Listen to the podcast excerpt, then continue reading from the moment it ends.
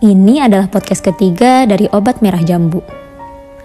Oh iya, gue mau ngucapin makasih nih yang udah ngedengerin podcast gue dari mulai pertama sampai sekarang ini. Dan kayaknya udah sejauh ini gue kayaknya belum kenalin diri ya. Oke ya udah kita kenalan diri dulu. Uh, nama gue Nipa dan insya Allah gue akan upload podcast setiap malam minggu buat nemenin kalian gue sengaja nge-announce ini biar kalian tuh ingetin gue juga supaya gue tuh rajin nge-upload gitu ya. Kan ya maklum namanya manusia suka lupa. Dan kalau misalnya kalian ada topik yang pengen gue bahas feel free to request loh. Kalian bisa nge-DM di Instagram at obat merah jambu. Nah untuk malam ini agak beda nih dari dua malam sebelumnya. Gue akan ngebawain podcast ini dengan gaya yang lebih chill. Soalnya tuh kalau kemarin-kemarin kan ya scripted banget ya, ya walaupun sekarang juga masih pakai script sih. Tapi um, karena tema kali ini juga nggak seberat kemarin, gue pengen ngebahas tentang uh, salah satu lesson yang gue dapet dari drakor yang lagi ongoing sekarang. Kalian ada yang tahu ini gak sih? Nevertheless.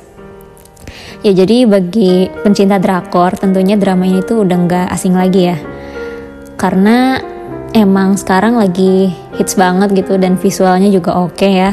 Song Kang sama Han Sohee. Dan uh, bagi yang gak terlalu suka drakor mungkin gue akan ceritain dikit nih sekilas tentang drakor Nevertheless ini. Singkatnya drama ini tuh ngejelasin tentang seorang cewek yang bernama Yunabi yang pernah punya kenangan buruk sama mantannya sampai akhirnya dia tuh udah gak percaya lagi sama cinta. Sampai suatu hari dia ketemu Park Jeon yang diperankan oleh Song Kang ya.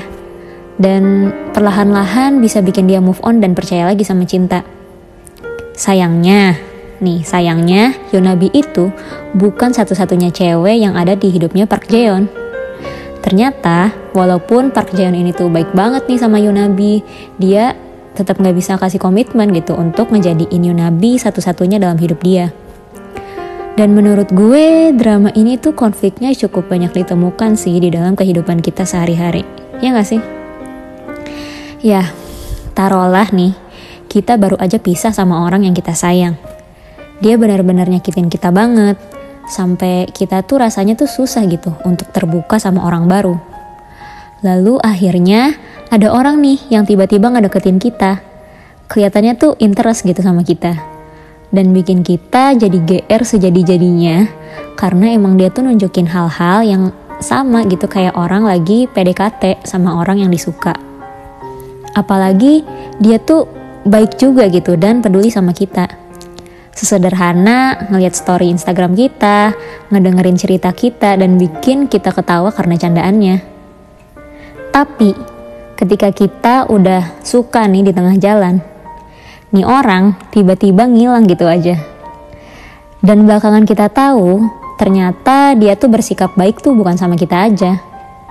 Pernah gak sih lo tuh ngalamin hal kayak gitu? Bagi yang belum pernah, selamat ya. Karena masa-masa kayak gini tuh masa-masa yang bikin kita bingung dan galau ya gak sih?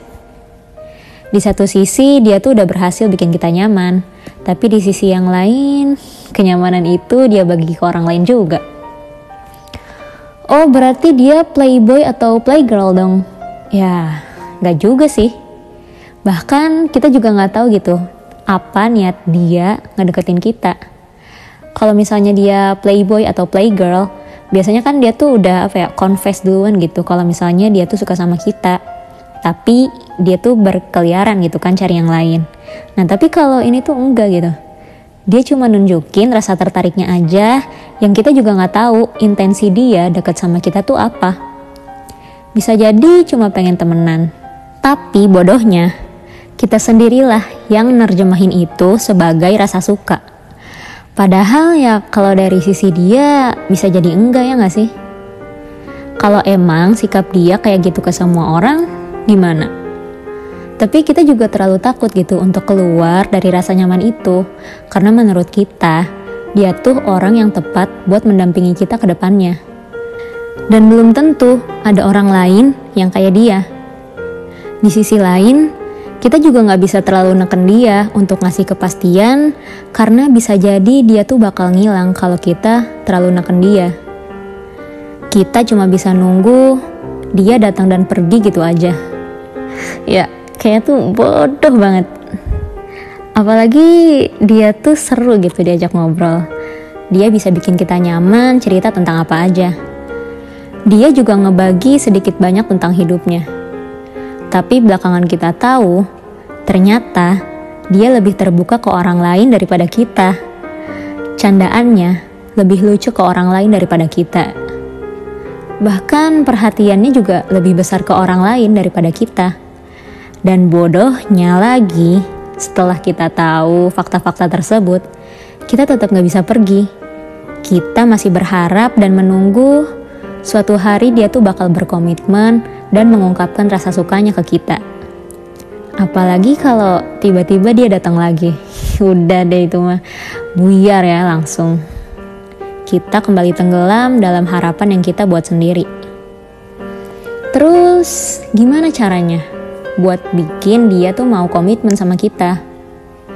Kalau lo tanya gue, jujur gue tuh nggak tahu. Soalnya perasaan seseorang itu ya milik dia dengan Tuhan. Tapi ya, menurut gue, ada baiknya lo berdoa supaya ditunjukin yang terbaik oleh Tuhan. Kalau memang dia baik buat lo, lo berdoa aja ke Tuhan.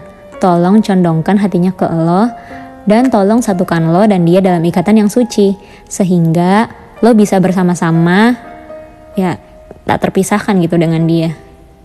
Tapi kalau misalnya memang dia bukan yang terbaik itu buat lo, lo juga berdoa gitu ke Tuhan, tolong hilangkanlah perasaan itu dan pertemukanlah dengan orang yang terbaik.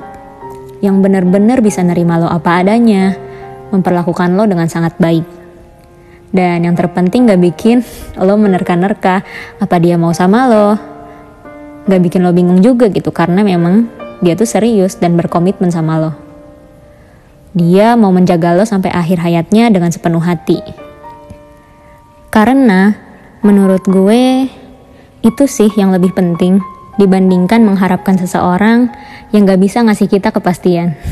Salam, obat merah jambu.